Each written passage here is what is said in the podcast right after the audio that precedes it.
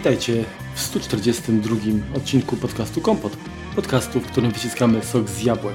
Są wakacje, więc tematyka strict wakacyjna. Dziś troszeczkę odejdziemy od tematów, którymi Was zamęczaliśmy przez długie miesiące, ale pozostaniemy w, w zasięgu technologii. Ponieważ zwykle w takim okresie wakacyjnym wspieramy się gośćmi, nie inaczej jest tym razem. Nasze szeregi zasila Łukasz. Dzień dobry. Także oczywiście sam Łukasz by tego podcastu pewnie nagrał, więc y, my musimy być tutaj również obecni. Także jest tutaj również Ramek Rychlewski i Marek Trecki.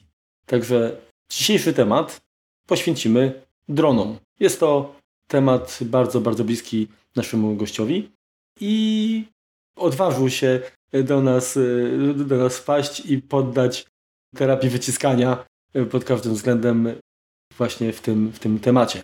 Zanim przejdziemy do mięska, standardowo przypominamy, że naszym patronem i sponsorem jest firma Synology. I zachęcamy oczywiście do zapoznania się z ofertą produktów y, tej firmy, a wiele informacji na temat tychże znajdziecie w naszych nagraniach.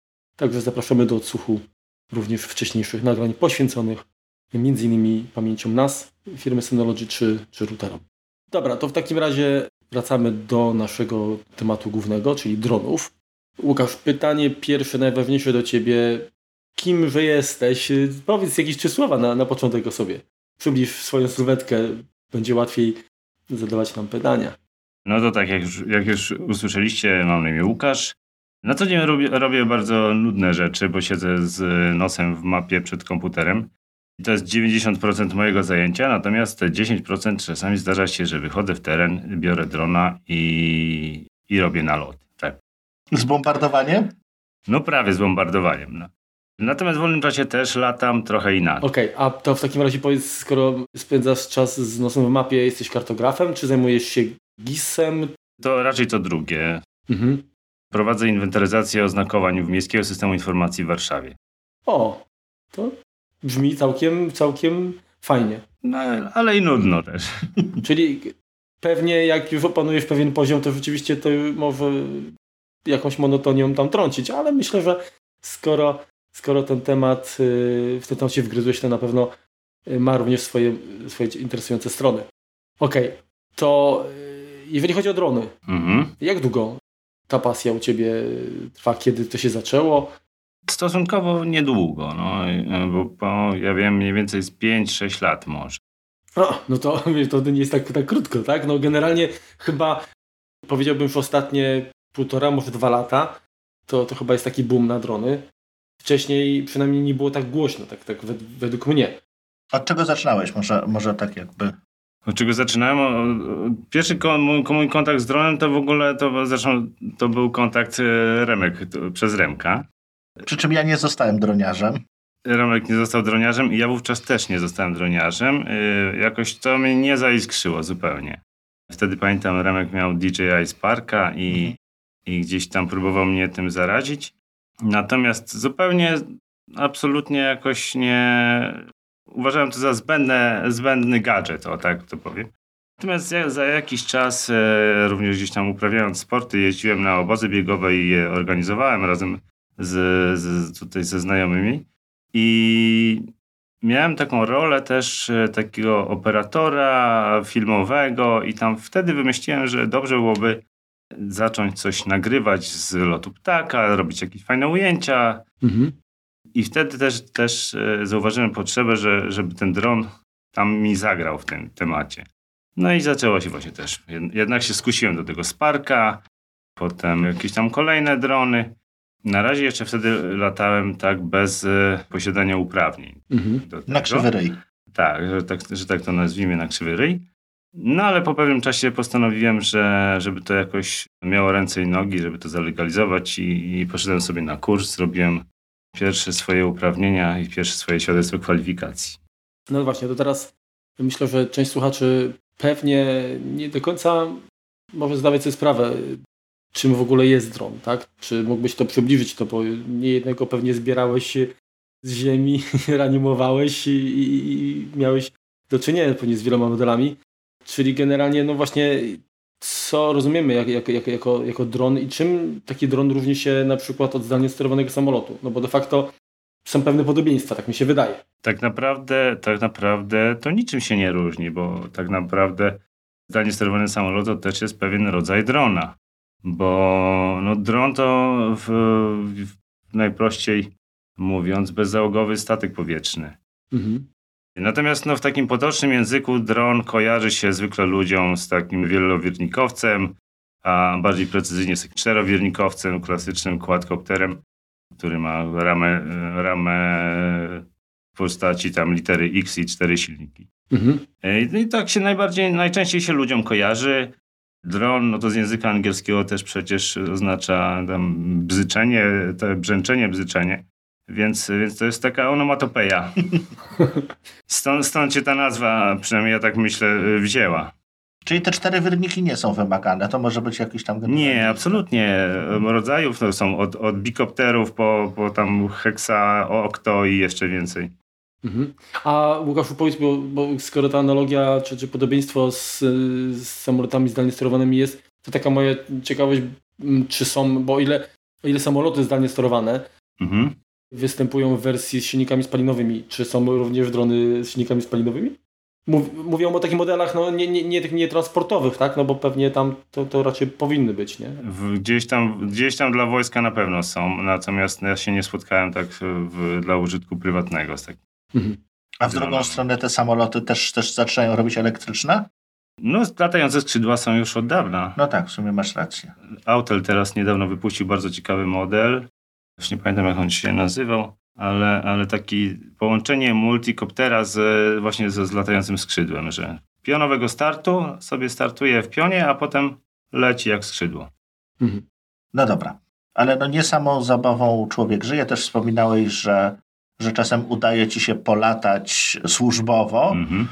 To do czego poza, poza zabawą, poza jakąś tam taką prostą, nie wiem, tam fotografią typu weselnej, czy, czy, czy jakiejś tam E, przydają się drony? No ja na przykład używam drona, tak jak wspomniałem wcześniej, że siedzę nosem w mapie, to w momencie, kiedy trafiam na, na, na miejsce, gdzie na przykład nie mam świeżych zdjęć satelitarnych czy tam lotniczych, to biorę drona w rękę, jadę i robię taki, taki nalot, jak mówiłem, i robię serię zdjęć i przetwarzam to oprogramowaniem, oprogramowaniem fotogrametrycznym i generuję dla siebie taką fotomapę. Wycinek mapy po prostu. Tak, tak. Mhm. A czy musisz mieć na to jakieś dodatkowe zezwolenie, czy po prostu tak jak robisz to służbowo, masz, nie wiem, koszulka operator drona i, i latasz gdzie chcesz? To nie jest tak, że, że możemy sobie latać gdzie chcemy. Generalnie przede wszystkim trzeba się zapoznać z, ze strefami powietrznymi panującymi w Warszawie. Znaczy nie tylko w Warszawie, w całej Polsce. Zresztą nie tylko w Polsce, ale już skupmy się na lataniu w Polsce. Nie możemy sobie latać wszędzie, gdzie chcemy. Są... To jest taki szeroki temat, że aż nie wiem, od czego to ugryźć. No ale tak w skrócie, powiedzmy, y, w jakich strefach y, na pewno latać nie można? No na pewno nie można latać tam, gdzie nas nie wpuszczą. Nie można latać w strefach lotniskowych, w różnych, nad, nad obiektami strategicznymi, typu elektrownie, wodociągi. No okej, okay, ale... Wojskowe różne obiekty tego typu. Mhm różnego typu strefy, powiedzmy SOP-u, tak? No i jest wiele, wiele jeszcze innych stref, które mają swoje ograniczenia, których można latać za zgodą zarządzającego strefą, więc wtedy trzeba wystąpić odpowiednie zezwolenie, mhm. często wypełnić jakieś tam papiery, jakieś różne formalności, udzielą albo nie udzielą. W każdym razie tak z marszu wziąć drona pod pachę i pójść sobie to nie, nie można. Znaczy nie ryzykowałbym. No, przede wszystkim najpierw trzeba sprawdzić, gdzie latamy i czy tam nie ma jakiejś strefy, która nam w tym przeszkodzi. Tak? A jakieś nie, parki, osiedla mieszkaniowe czy coś, to, to też może być tak, że, że są wykluczone? No jakieś fragmenty mogą być. No, na przykład w, w, w centrum Warszawy jest bardzo wiele takich stref.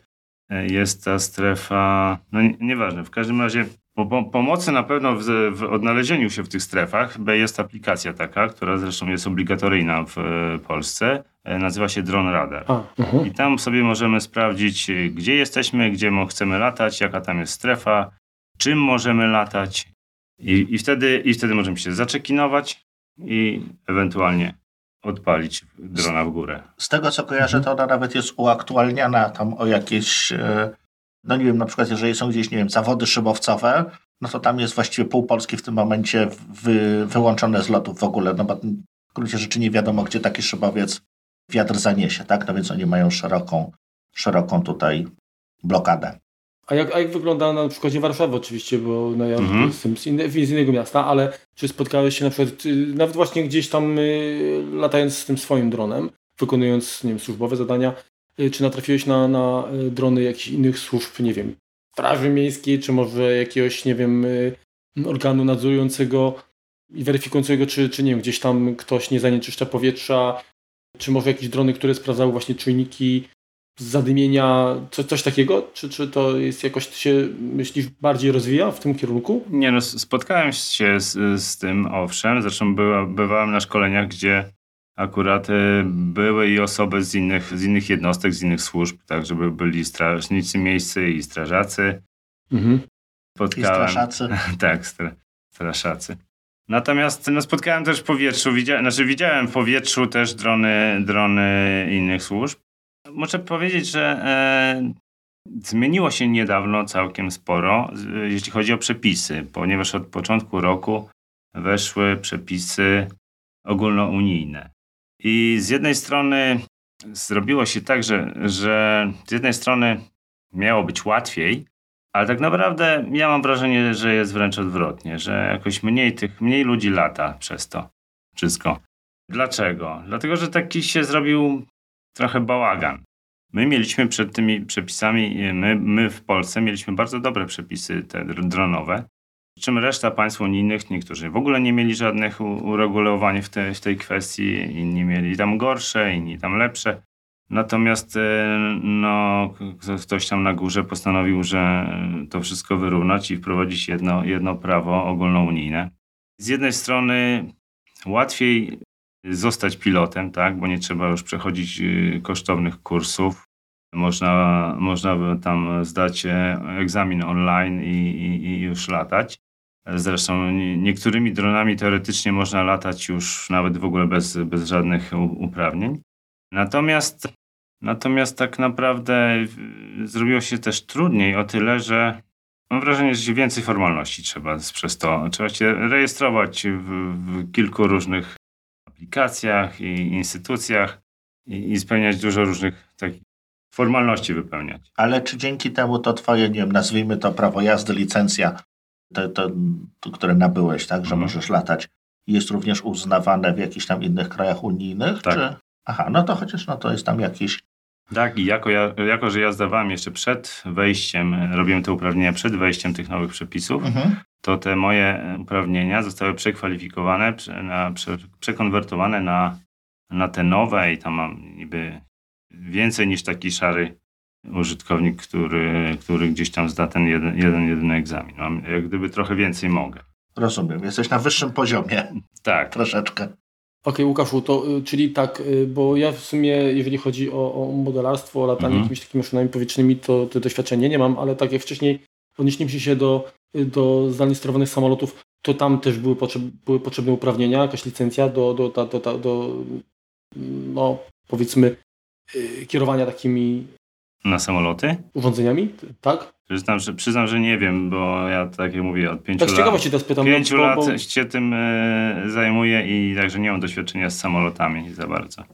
Okej. Okay.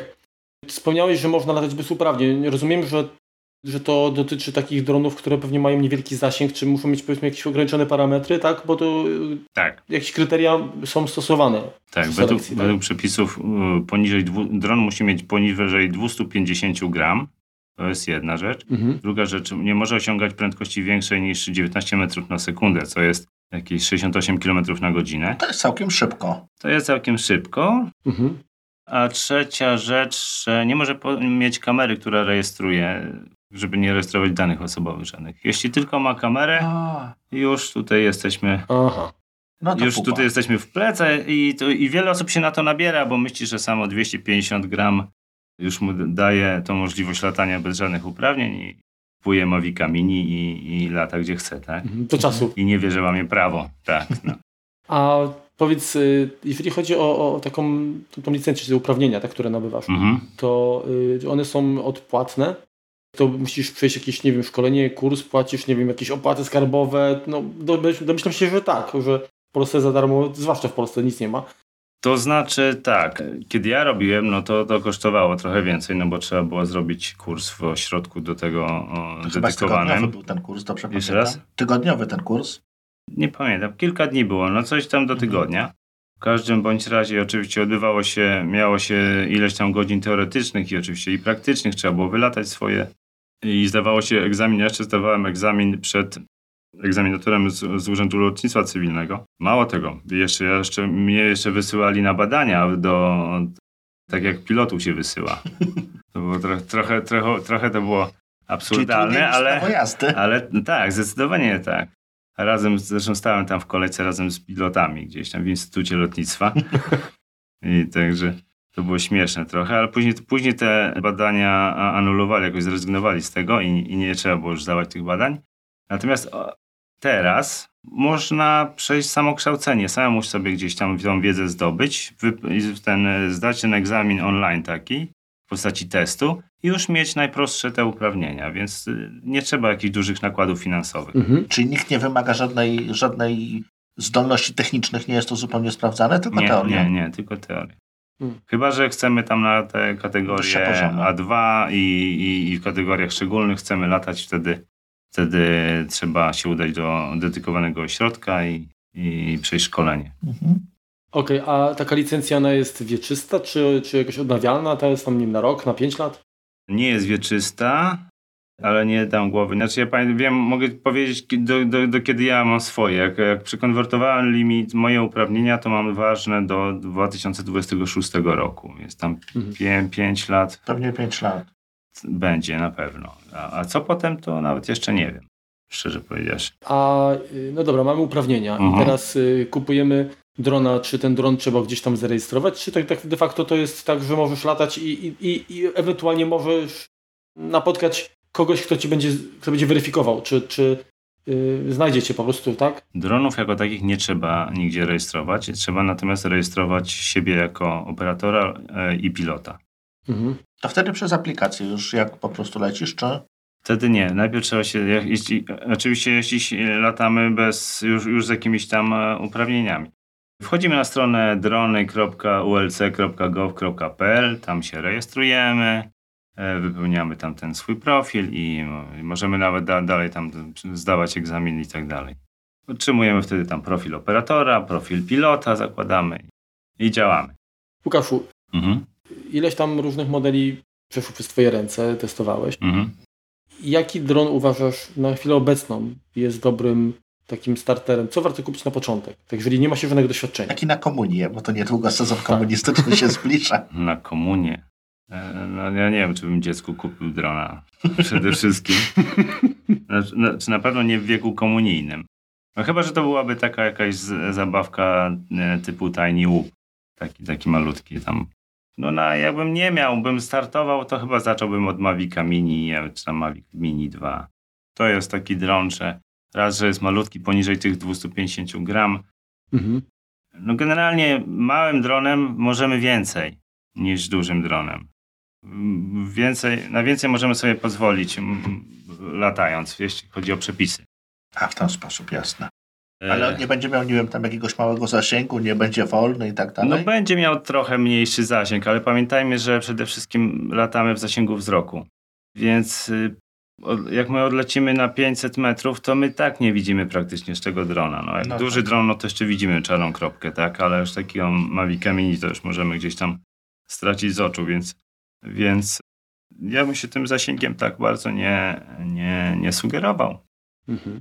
Jeśli miałbym takiego drona sobie kupić i, i, i fajniejszego już i wydać trochę więcej pieniążków, no to bym chyba e, kupował e, też DJI, oczywiście ma, Mavic R2S.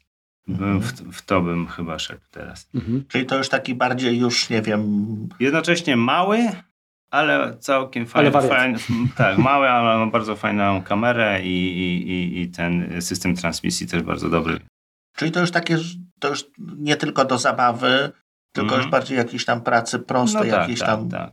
Jasne. No właśnie, właśnie, bo, bo tutaj kwestia jest taka, czy są, y, jakby na co, czym się różnią drony takie powiedzmy typowe rekreacyjne, tak do zabawy, od takich do pracy i takich do sportu. Poza ceną. Czy, czy idzie rozpoznać na pierwszy rzut oka oczywiście, tak? To czy, czym się różnią?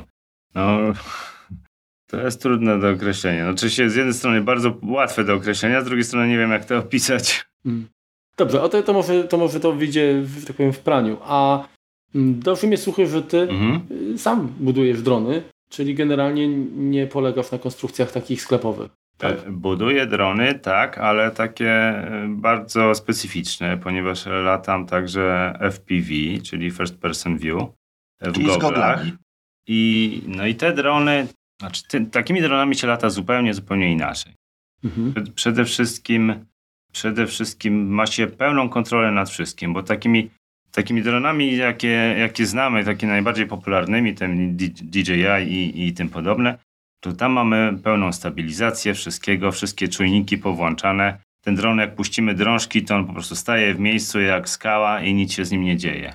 W dronach FPV mamy pełną swobodę, możemy latać do góry nogami, w każdej osi się obracać, i ty, ty, tylko, że musimy nad wszystkim mieć kontrolę sami.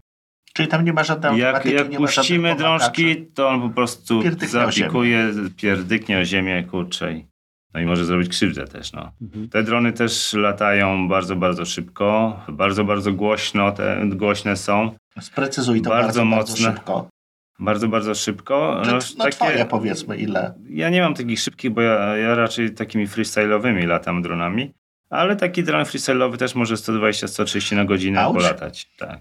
Natomiast racery takie, takie, do którymi się e, ludzie ścigają, to potrafią tam do 200 na godzinę sobie zasuwać. Czy to jest dalej takie wielkości, nie wiem, kartonu po butach? To jest już większe ten racer. Te racery zwykle są pięciocalowe mniej więcej. No, to jest tak, Hmm, to, to w sumie jak maleństwo. tam. Małe, ale, ale małe i lekkie też, bo, bo oczywiście wiadomo, że im lżejszy, tym Mhm. tym, tym tam już ludzie czasami dbają, że nawet izolację z kabli ściągają, żeby sobie te ułamki grama zyskać. Lekkie Są, śrubki są tacy, tak, aluminiowe śrubki i tak dalej, i tak dalej. Natomiast e, dla takiego fanu, żeby się pokręcić, taki freestyle'owy dron, to on tam waży z 600-700 gram razem już z kamerą, z, z No GoPro, to razem jednak z baterią. To jest sporo. E, Natomiast no, się fajnie się kręci. Tam się, jest taka wolność latania po prostu. To takie 600 gram jakby tam zasuwało ponad 100 km na godzinę, to to jest niezły pocisk. Mhm.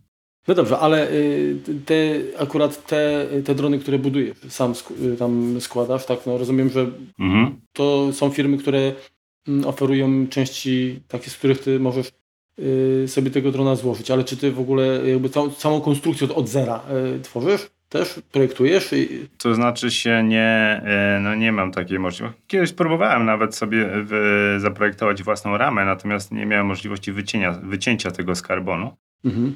No więc, więc e, posiłkuję się gotowymi pół, pro, półproduktami, tak? Czyli biorę ramę, biorę kontroler lotu, biorę regulatory, dobieram silniki, dobieram kamerę, VTX i, i te wszystkie inne pod, anteny, podzespoły, wszystko gdzieś tam się montuje, lutuje i, i to lata Jasne. potem. No. Ale, ale ten, ten wybór jest podyktowany tym właśnie, że masz pełną kontrolę, czy są jeszcze jakieś inne jakby zalety tego rozwiązania? Że, że... Znaczy oczywiście poza samą e, radochą ty- składania tego, tak? No bo to rozumiem, że to jest też pewnie co, co, fajna, fajna rzecz. Jest, jest, jest dużo. Znaczy przede wszystkim sam montuję, e, sam zabierając się za to, chcąc spróbować FPV, obrałem taką drogę, że, że muszę to sam zbudować. Dlaczego tak wybrałem? Dlatego, że no, latając FPV, ucząc się zwłaszcza zaczynając, zresztą nie tylko, ale, ale trzeba się liczyć z tym, że będziemy się rozbijać. I to nie raz. Mhm. Więc tego drona trzeba umieć naprawić. Trzeba umieć go sobie zbudować, naprawić, wymienić ramię, wymienić e, każdą jego najmniejszą, najdrobniejszą część. Więc jeśli się tego nie nauczymy, albo mamy gruby portfel i będziemy dużo za to płacić, Częstym bywalcem serwisu. Mhm. albo, albo będziemy mieli trochę, troszeczkę mniej gruby portfel, musimy mieć i, i po prostu sobie sami to naprawiać. Bo nies- niestety to i tak już zawsze kosztuje. Ale tego typu konstrukcje, Mhm. te, tam first person view, tak, to one są dostępne jakby w, normalnie w sklepie na półce też, tylko ty po prostu wybierasz rozwiązanie takie do it yourself, tak? Tak, znaczy są dostępne zestawy typu Binded Fly, także można kupić sobie takiego gotowego, już złożonego drona, tylko sobie zbindować z aparaturą i, i, Mhm. i, i polatać. A jest też jakiś, F, e, DJI też ma jakiegoś drona FPV, FPV. Tak, od niedawna zresztą, nie wiem ile to z pół roku może, wypuścili pierwszy taki model. I, no i po szczerości ja uważam, że to nie wypał jest. Z racji właśnie kwestii rozbijania serwisu i Przede wszystkim, przede wszystkim to jest plastikowe, to jest bardzo, no to nie przeżyje tam jednego czy dwóch kraszy. mhm. takim dronem na karbonowej, na karbonowej ramie to można naprawdę zdrowo przywalić kilka, kilka razy i pozbierać się go, wyprostować, wymienić śmigło jedno na od razu na, na miejscu i lecieć dalej. Natomiast po jednym takim upadku mamy, jedziemy do domu, no. Po zabawie. Powiedzmy sobie szczerze, no, a ten dron kosztuje przecież ładnych parę złotych. E, Co prawda, e, tam z tego co czytałem, bo nie miałem oczywiście tego w ręku i nie latałem, ale co prawda miały być dostępne części najpopularniejsze do wymiany coś tego, takiego jakieś tam być. ramiona i miały być relatywnie tanie. Natomiast, no, tak jak e, w porównaniu do, do takiego sam, samorobionego składaka, to i tak jest. E, pewnie inna skala wielkości. Dokładnie. A powiedz Łukaszu, Mhm. w kwestii sterowania w ogóle ty, tymi urządzeniami, tymi, tymi maszynami latającymi, czy nauka jest trudna? No, rozumiem, że trzeba to podzielić na, na dwie grupy, bo są te drony, gdzie tak jak mówisz, puszczasz manetkę i on stoi i słucha, więc to odpada Mhm. mnóstwo rzeczy, czyli te drony, które sam budujesz, te e, FPV, e, one wymagają oczywiście dużo bardziej, dużo większego za, zaangażowania i, i, i umiejętności, tak, jeżeli chodzi o pilotaż, Mhm.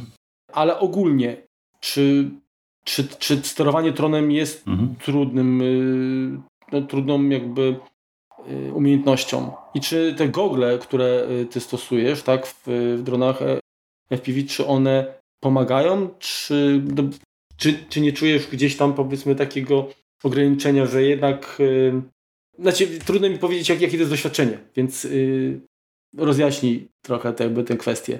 To znaczy się, no ja bym to rozdzielił jednak. To są zupełnie dwie różne rzeczy. Mhm. Moim zdaniem takim dronem typu DJI jest łatwo, relatywnie łatwo latać, no bo tak jak mówię, tym się człowiek się, z tym się czuje w miarę bezpiecznie, puszcza drążki i to staje w miejscu. Jeszcze sam do domu E, potrafi wrócić. Wróci do domu, nigdzie tam nie spadnie, e, ma czujki, widzi przeszkody i tak dalej.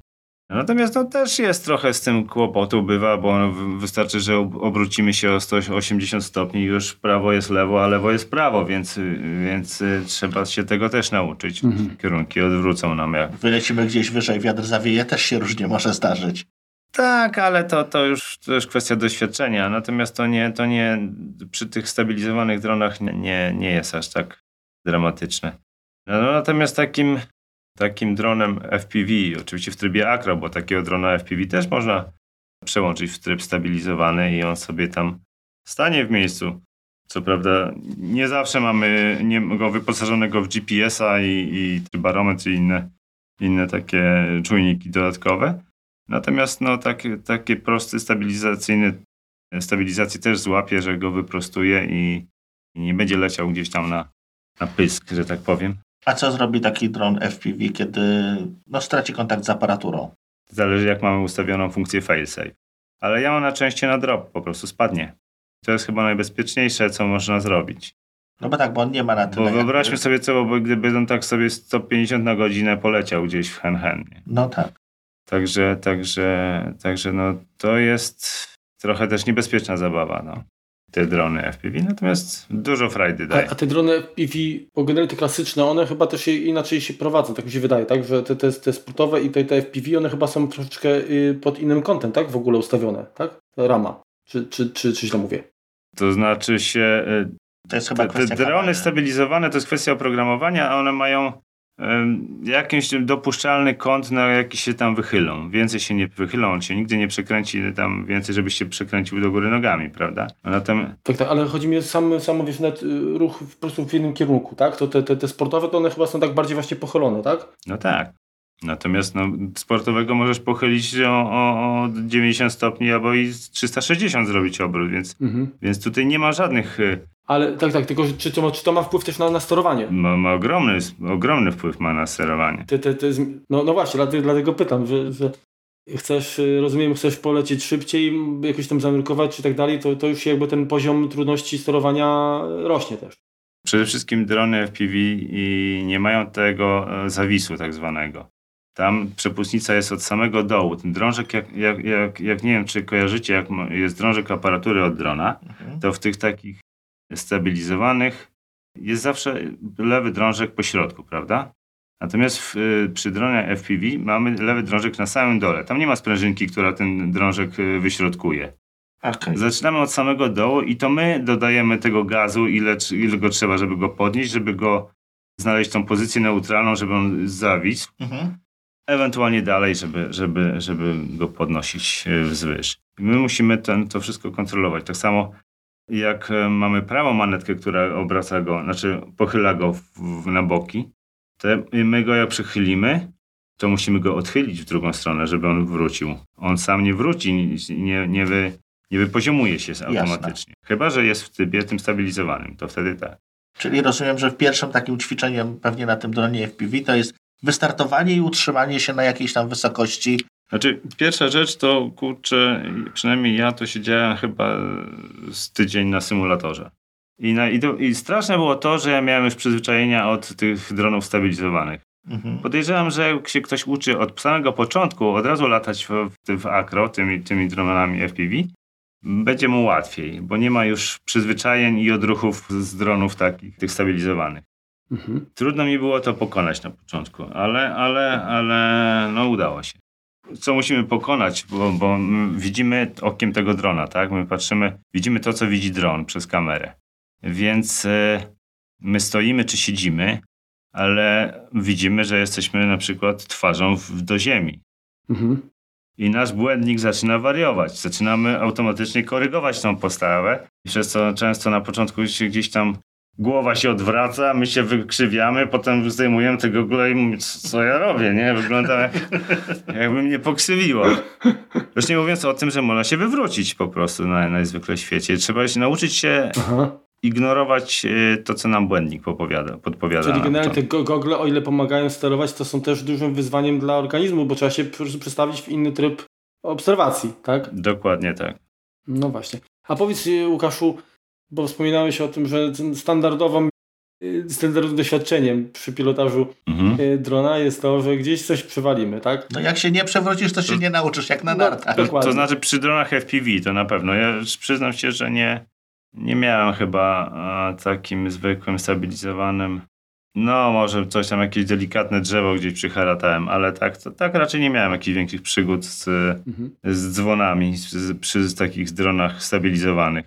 Ale generalnie, jak uważasz, które przeszkody mogą być jakby najtrudniejsze? Nie wiem, może linie wysokiego napięcia, czy nie wiem, może gdzieś tam jakiś podmuch, nie wiem właśnie jak, jak, jak takie urządzenia reagują na, na, na silne wiatry, czy, czy czy coś jest takiego, co warto się wystrzegać, albo sobie powiedzmy, nie wiem, zrezygnować może nawet w, w danych z pilotażu, bo, bo jest to nie wiem, niebezpieczne, albo jest, że tak powiem, gwarancją tego, że coś niedobrego się może wydarzyć.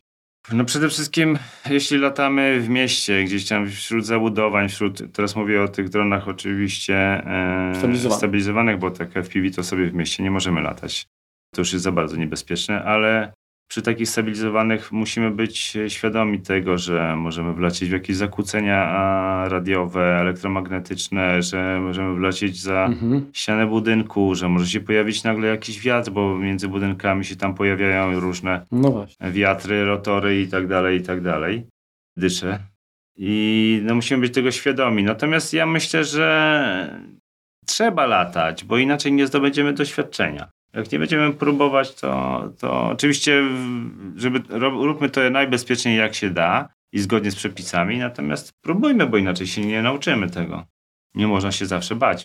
Dobrze, powiedz może teraz Łukasz, no bo powiedzmy takiego DJ-a, no to możemy sobie sprawdzić cenę, ile, ile to kosztuje. Ile kosztuje powiedzmy budowa, no i jakieś tam utrzymanie takiego, takiego drona. Oczywiście tak wiesz, orientacyjnie, żonie nie powiemy.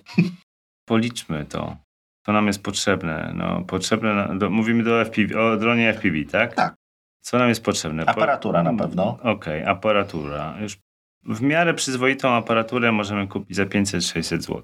Do tego... I poczekaj, ona będzie już pasowała do wszystkich dronów, tak? Nie tak, musimy tak. mieć... Raz kupujemy... I przełączamy raz powiedzmy kupujemy, do, do różnych zabawek. Przełączamy do, Mhm. tak. Ja bym kupił do tego jeszcze, oczywiście ja kupiłem zresztą też, ale moduł do aparatury dalekiego zasięgu. Takiego to jest moduł do łączności radiowej na 915 MHz. Mhm. się nazywał Crossfire. Albo taki, albo jakiś inny moduł dodatkowy bym kupił radiowy. No to tam też jest kwestia 200-300 zł, powiedzmy. Mhm. Teraz e, potrzebne nam są gogle. No to już powiedzmy przyzwoite gogle można za 1200 zł lub więcej. No to już kupić. mamy dwójeczkę mniej więcej. Teraz co nam potrzebne jest? Kupa narzędzi nam jest, bo będziemy tego drona składać, naprawiać i tak dalej, Mhm. prawda? Lutownica, e, cała masa różnych tam, nawet nie wiem, nawet nie wiem, nie wiem jak to wszystko policzyć, ale różne Kable, nie śrubokręty. kable, śrubki, jakieś tak, tam no, całe. musimy te- mieć taki warsztat, no ale powiedzmy niech to kosztuje kurczę 600 zł. Mhm. Teraz sobie policzmy drona no to... Czyli to jest 2600, to mamy powiedzmy taką podstawę Mhm. i możemy... Zaplecze. Zaplecze, Mhm. tak. I możemy już teraz mieć 15 dronów do tego. Dokładnie. Teraz policzmy sobie drona. No dron taki kurczy pięciocelowy, powiedzmy około 1000 zł lub więcej, no można kupić. No można nawet taniej złożyć, ale e, już, już tak przecię, przeciętnie mówię tysiąc, około 1000 zł. Mhm. No i do tego musimy mieć jeszcze zapas baterii, bo to żre baterię Mhm. momentalnie. No kamerka tak, y, to już jest jakby w Ko kamerka Tak... GoPro też oczywiście się przydaje, jeśli chcemy nagrywać się. Mhm. Poczekaj, bo teraz tak, bo masz z jednej strony masz ten FPV, czyli masz jakąś kamerę inną niż GoPro, rozumiem? Tak. Masz tam dwie kamerki jak gdyby. Jasne. Jedna, jedna w zasadzie nie rejestruje, albo, albo rejestruje taki obraz no nie najlepszej jakości, powiedzmy. Nie jest to Mhm. kamera HD. Natomiast e, tutaj najważne jest, żebyś miał niską latencję tego, co. Mhm. Znaczy niskie, nie miał jak, miał, jak najmniejsze opóźnienie w stosunku do tego, co widzisz, żeby widzieć na, na żywo ten obraz, tak? Żebyś mógł miał szybką reakcję na, na to, co robi dron, żeby, Jasne. żeby nim sterować po prostu. No, natomiast do tego najlepiej dopiąć potem jeszcze jakąś kamerkę HD, jeśli chcemy tutaj nagrywać jakieś filmy. Pochwalić się gdzieś dalej. Pochwalić się gdzieś dalej. Tutaj króluje go, w tym segmencie króluje GoPro. Chyba tam nikt... To starsze modele z tego, co kojarzę. Latają ludzie i z dziewiątkami nawet. No tyle tylko, że GoPro 9 to już jest dodatkowa waga, to już jest cięższe. Już ósemka była ciężka, a dziewiątka już jest bardzo ciężka przy tym. No ale latają ludzie i z dziewiątkami. Także można. Chyba Session byłaby idealna. Była, ale no niestety już jej nie rozwijali. Tak, na, pią- na piątce skończyło się. Natomiast jeśli chodzi o GoPro, duża część ludzi robi coś takiego, że rozbiera go, GoPro, nie wiem, 6 czy 7 z obudowy, wy- wygrzebuje baterię, zostaje taka sama płytka, która ma 17 gram. No i pozbywamy się tych 100 iluś gram, bo normalne GoPro ma, nie wiem, 120 lub więcej gram i, i zostaje nam 17. Mamy drona 100 gram lżejszego i co robi naprawdę różnicę. A czy ona w tym momencie nie jest narażona na zniszczenie? No jest trochę bardziej narażona na zniszczenie, na, na pewno, no. Ale coś za coś. Mhm. No czyli się pewnie gdzieś tam w tych pięciu tysiącach można zmieścić. Można zmieścić, oczywiście, że można się zmieścić, no tylko tam, No górnej granicy nie ma. Jak, tylko, Jak to zabawą. tylko jak to tam później, później koledzy gdzieś tam z, z inni piloci mówią, to karuzela wydatków się zaczyna, tak. Mhm. Wspomniałeś, te, wspomniałeś Łukaszu, te baterie, tak? Mhm. Czyli generalnie... Albo poczekaj, za- zanim, zanim wrócimy o baterię, bo to myślę, że tu będzie sporo tutaj do pogadania, to wspominałeś o tej latencji i generalnie, jak rozumiem, że każdy dron ma jakiś tam zasięg, tak? No bo to jest łączność radiowa. Tak. I pytanie, jak to jest, no bo załóżmy, że ten zasięg niech będzie tam kilometr, strzelam, Mhm. tak? No ale wysyłanie sygnałów radiowych do sterowania dronem to jedna sp- sprawa, a przesyłanie obrazu, nawet Mhm. w niskiej jakości, ale o niskiej latencji, no też wymaga innego pasma. I teraz Mhm. pytanie, czy, jak, jak często zdarza się tak, że, że ty już nie widzisz po prostu, bo informacja nie dochodzi, że tego obrazu nie ma, ale sterować dronem możesz. Znaczy się, no rzadko dochodzi, znaczy rzadko, dochodzi do tego, tylko że jak widzę, że już mi obraz śnieży, to, muszę, to wiem, że muszę zawrócić, więc staram się do tego nie Mhm. dopuścić. To jest bo, taka siła analogu, że po bo- prostu nie zrywać, bo cyfrowy to by ci tak, zerwało. e, cyfrowy, cyfrowy nie, cyfrowy też daje swoje znaki, ale to trochę inaczej. Spada rozdzielczość e, i, i spada ten, latencja jest coraz większa, Mhm. spada bitrate, więc, więc też widzimy, że to się po, pogarsza. Natomiast no, nie możemy dopuścić do tego, żeby stracić obraz, bo nie dolecimy w ciemno. Dobra. Chyba, że, chyba, że zdejmiemy gogle i go, będziemy widzieć drona, wtedy mamy szansę I go dolecieć. widzimy, tak, no ale ale to pewnie, pewnie już. Miałeś ale- taką sytuację? nie miałem takiej sytuacji. To znaczy, nawet jeśli bym miał, to prawdopodobnie bym spadł. Jasne. Dobrze, to, to wróćmy w takim razie do baterii. Mhm. Na jak długo generalnie. No ja rozumiem, że to też jest pewnie od typu drona, tak? To te, te, te FPV, jeżeli on, zwłaszcza pewnie jakieś żujesz, tak, czyli tam zasuwają na maksa, no to, to, to się rzeczy więcej tej energii musi zostać jakby zużyte. Mhm.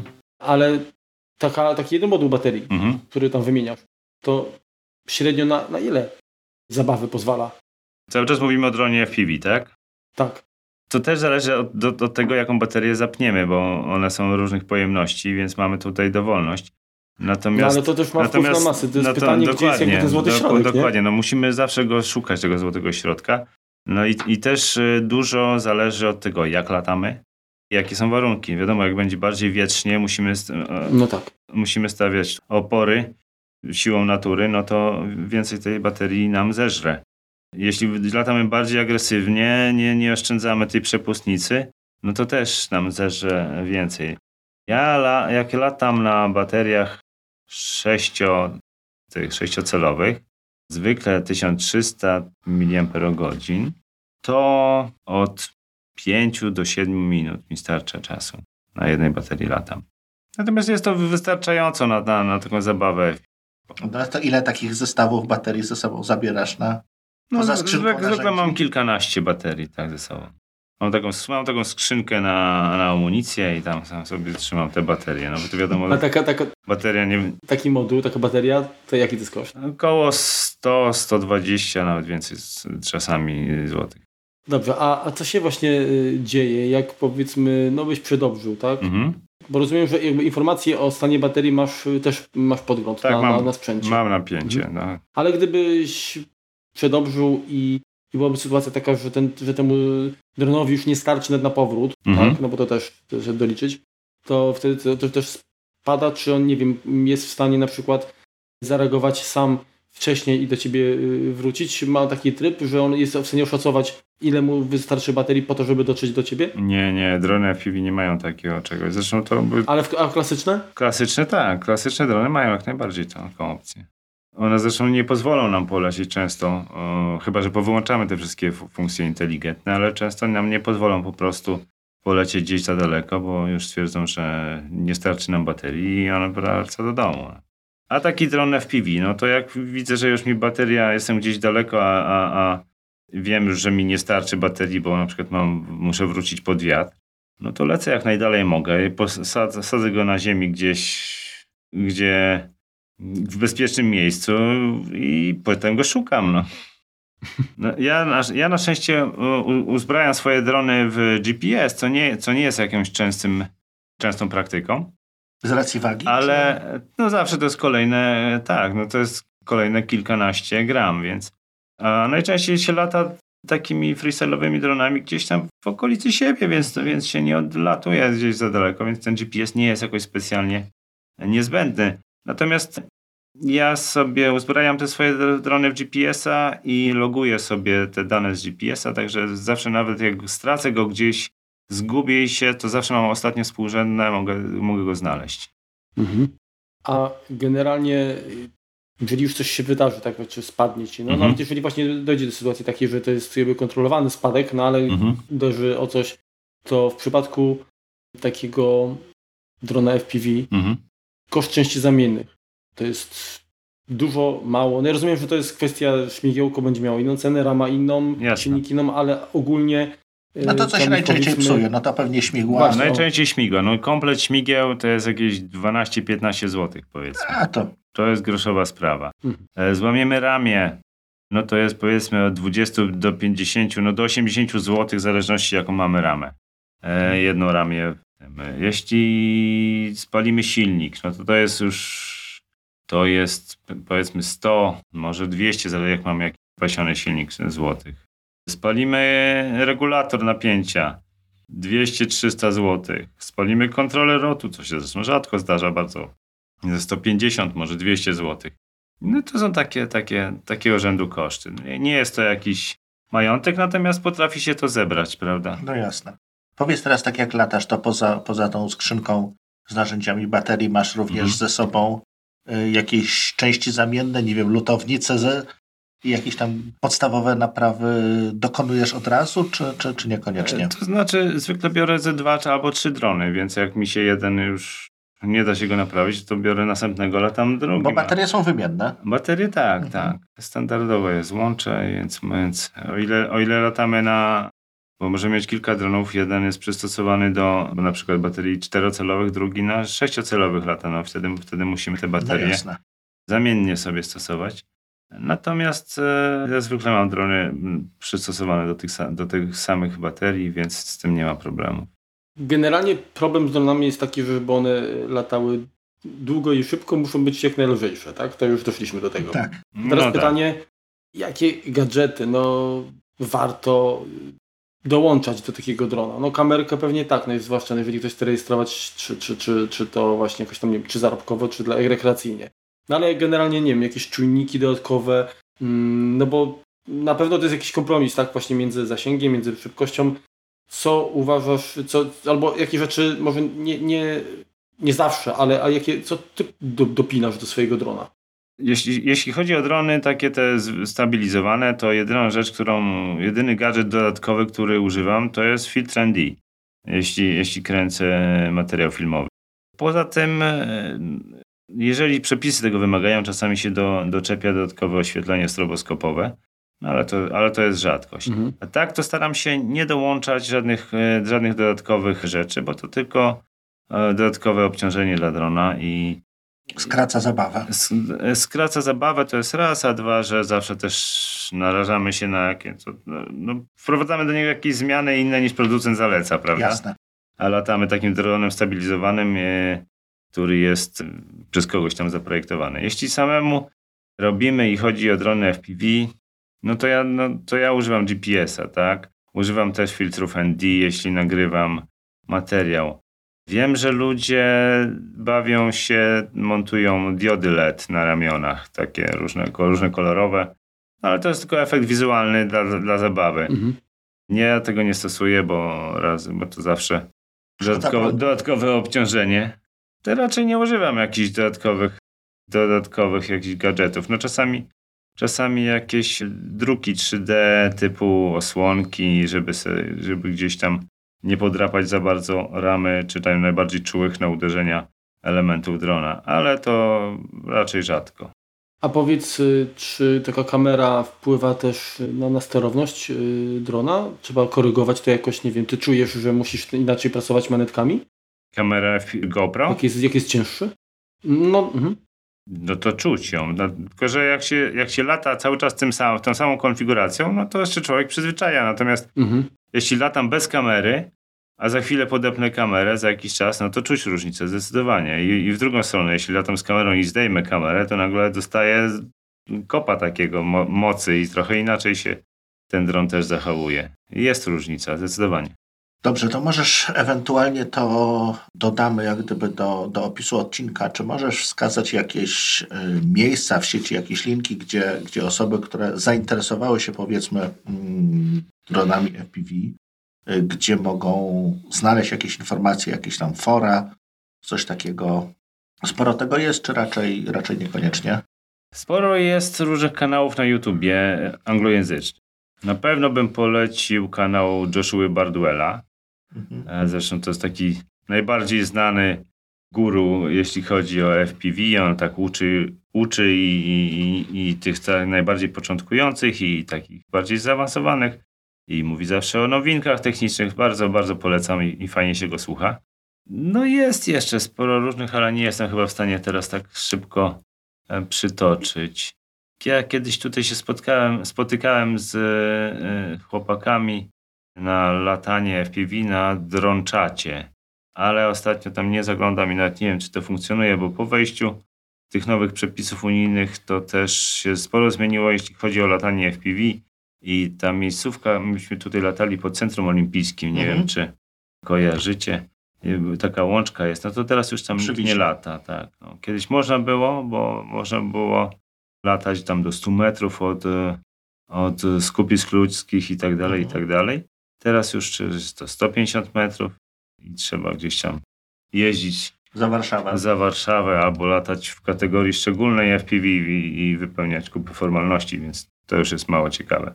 I widzę, I widzę właśnie, że coraz mniej ludzi, że już tam, ta miejscówka już gdzieś tam wymarła.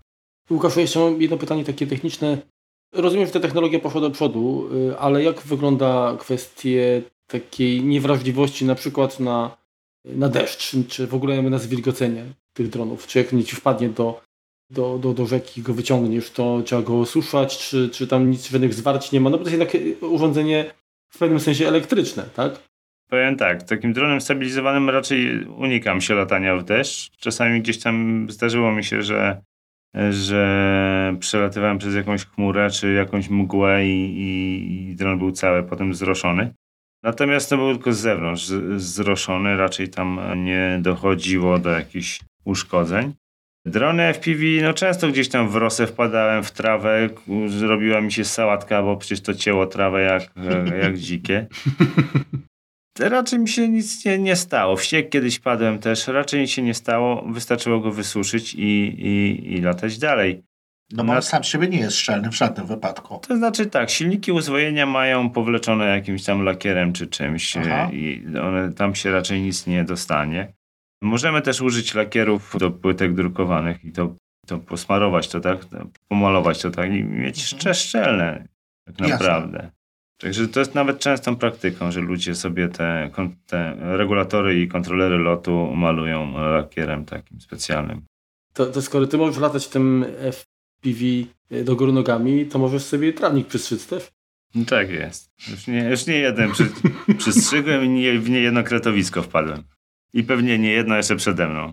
Łukaszu, a generalnie, e, no jak każde hobby, pewnie e, drony też skupiają sympatyków, tak? Tych urządzeń. Mhm. Czy są jakieś, jakieś, nie wiem, kluby, jakieś takie organizowane są spotkania, w których uczestniczysz, gdzie jest wymiana, nie wiem, jakichś informacji, czy to jest, się dzieje tych online, czy jednak ludzie przez to, że to jest jednak aktywność na powietrzu, też się spotykają i, i poza jakimiś tam zawodami i tak dalej, czy tak, no, jak posiadacze aut mają jakieś spoty swoje nad, gdzieś tam pod sklepem, czy pokopią w oponkę, to czy y, droniarze też mają takie miejsca i ta wspólnota jakoś się łączy? Przypuszczam, że tak. Nie mogę teraz powiedzieć dokładnie, bo troszeczkę wypadłem z, tem z tematu na jakieś parę miesięcy. Tak jak wspominałem wcześniej, myśmy się spotykali tam pod Centrum Olimpijskim i tam, tam był właśnie takie, to było takie miejsce, gdzie się wszyscy z Warszawy spotykali. Można było tam się wymienić doświadczeniami, popatrzeć co tam nowego weszło, pogadać z, o zwykłym, o, o dupie marynie za przeproszeniem, tak. Jak, jaki, jaki polatać, pościgać się, pobawić się. Natomiast, no tak jak mówię, no, przez te też nowe przepisy trochę, to tam już, tam już nie spotykam nikogo, bo tam też sam nie jeżdżę. Ale też gdzieś ten kontakt mi się urwał, więc nie, nie wiem jak to teraz jest. Ale wiem, że też, też jest taka opcja, jak że te nowe przepisy, te nowe przepisy miały coś ułatwić, jeśli chodzi o aerokluby. I, i jakieś aerokluby i, i, przepraszam, bo nie chcę kurczę się pomylić. Kluby modelarskie i aerokluby jakieś. Że, że można w ramach takiego stowarzyszenia można więcej sobie pozwolić na latanie na jakichś tam zasadach. Ale już nie będę się w to zagłębiał, bo żeby czegoś nie pomylić. Mhm. Ale no nie, no nie wiem tak do, do końca jak to teraz jest, bo mówię, trochę wypadłem z, z tematu. A powiedz jeszcze tak na, na koniec, bo myślę, że tak w zasadzie temat może nie wyczerpaliśmy, bo to jest temat rzeka, tak? Mhm. Od pięciu czy tam sześciu lat w tym siedzisz i myślę, że cały czas coś nowego odkrywasz, ale to najwyżej zrobimy kiedyś tam może jakiś suplement. Natomiast y, mamy takie jeszcze pytanie, czy urządzenia typu komputer, smartfon w jaki sposób mogą wesprzeć droniarza. No poza tą aplikacją, y, czyli tam y, dron, radar, tak, czy coś takiego, mhm. to czy są jakieś y, jeśli, jeśli jest jakieś oprogramowanie, z którego ty korzystasz, które pomaga ci no, w obcowaniu z tym sprzętem? No pomagają różne aplikacje. Przy takich dronach stabilizowanych korzystam na przykład z aplikacji Litchi. Poza standardową aplikacją DJI e, do dronów DJI, tak? To DJI Go 4.